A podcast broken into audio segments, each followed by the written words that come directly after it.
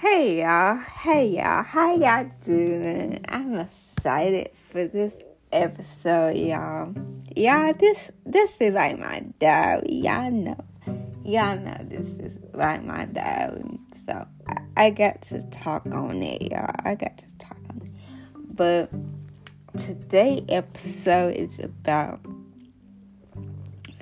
put put God first, y'all we must put God first because as everything been going on, it really showing how God is trying to get our attention. Yeah, we not we not perfect, y'all. But I really believe that if we focus on what truly matters to us, what's important, we would like find like more peace on off. Like I really do not like what's it going on. Like everybody is shoot, shooting each other. Everybody is not loving each other like they should be loving each other. Yeah, but love is a gift. Love is a gift, y'all. We supposed to love everybody because God first loved us. We I mean, I gave my life to God when I was 13, but when I got older, I felt like I was in all these relationships that I have no business in.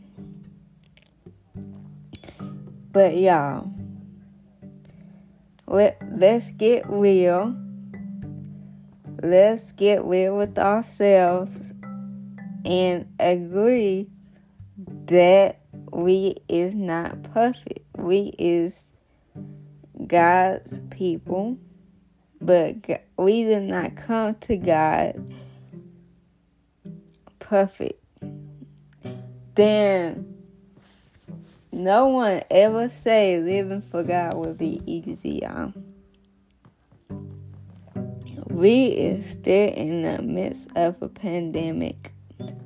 People shooting each other. Price tag, food, food, food and cars prices is going up, and we do not know how they, how, why they going up. I just want us to come back together and love one another because everybody got a purpose on this off y'all. I did not know being a podcaster is my purpose, but it gave me a chance to say how I feel. Just say how I feel um, it's like my little diary. I just say how I feel. Y'all did not have to agree with me. But y'all, how y'all feel?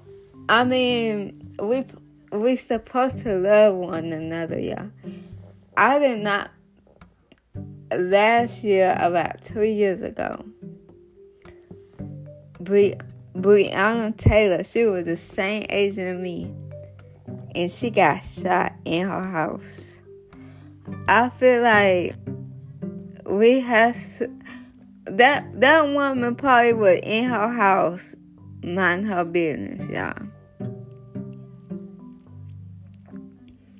And all the young people is killing.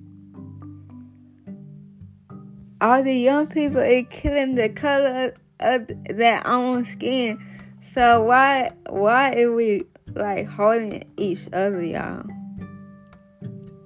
Why are we holding each other?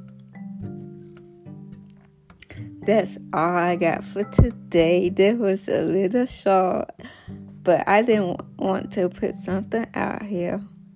Bye. I hope you like it.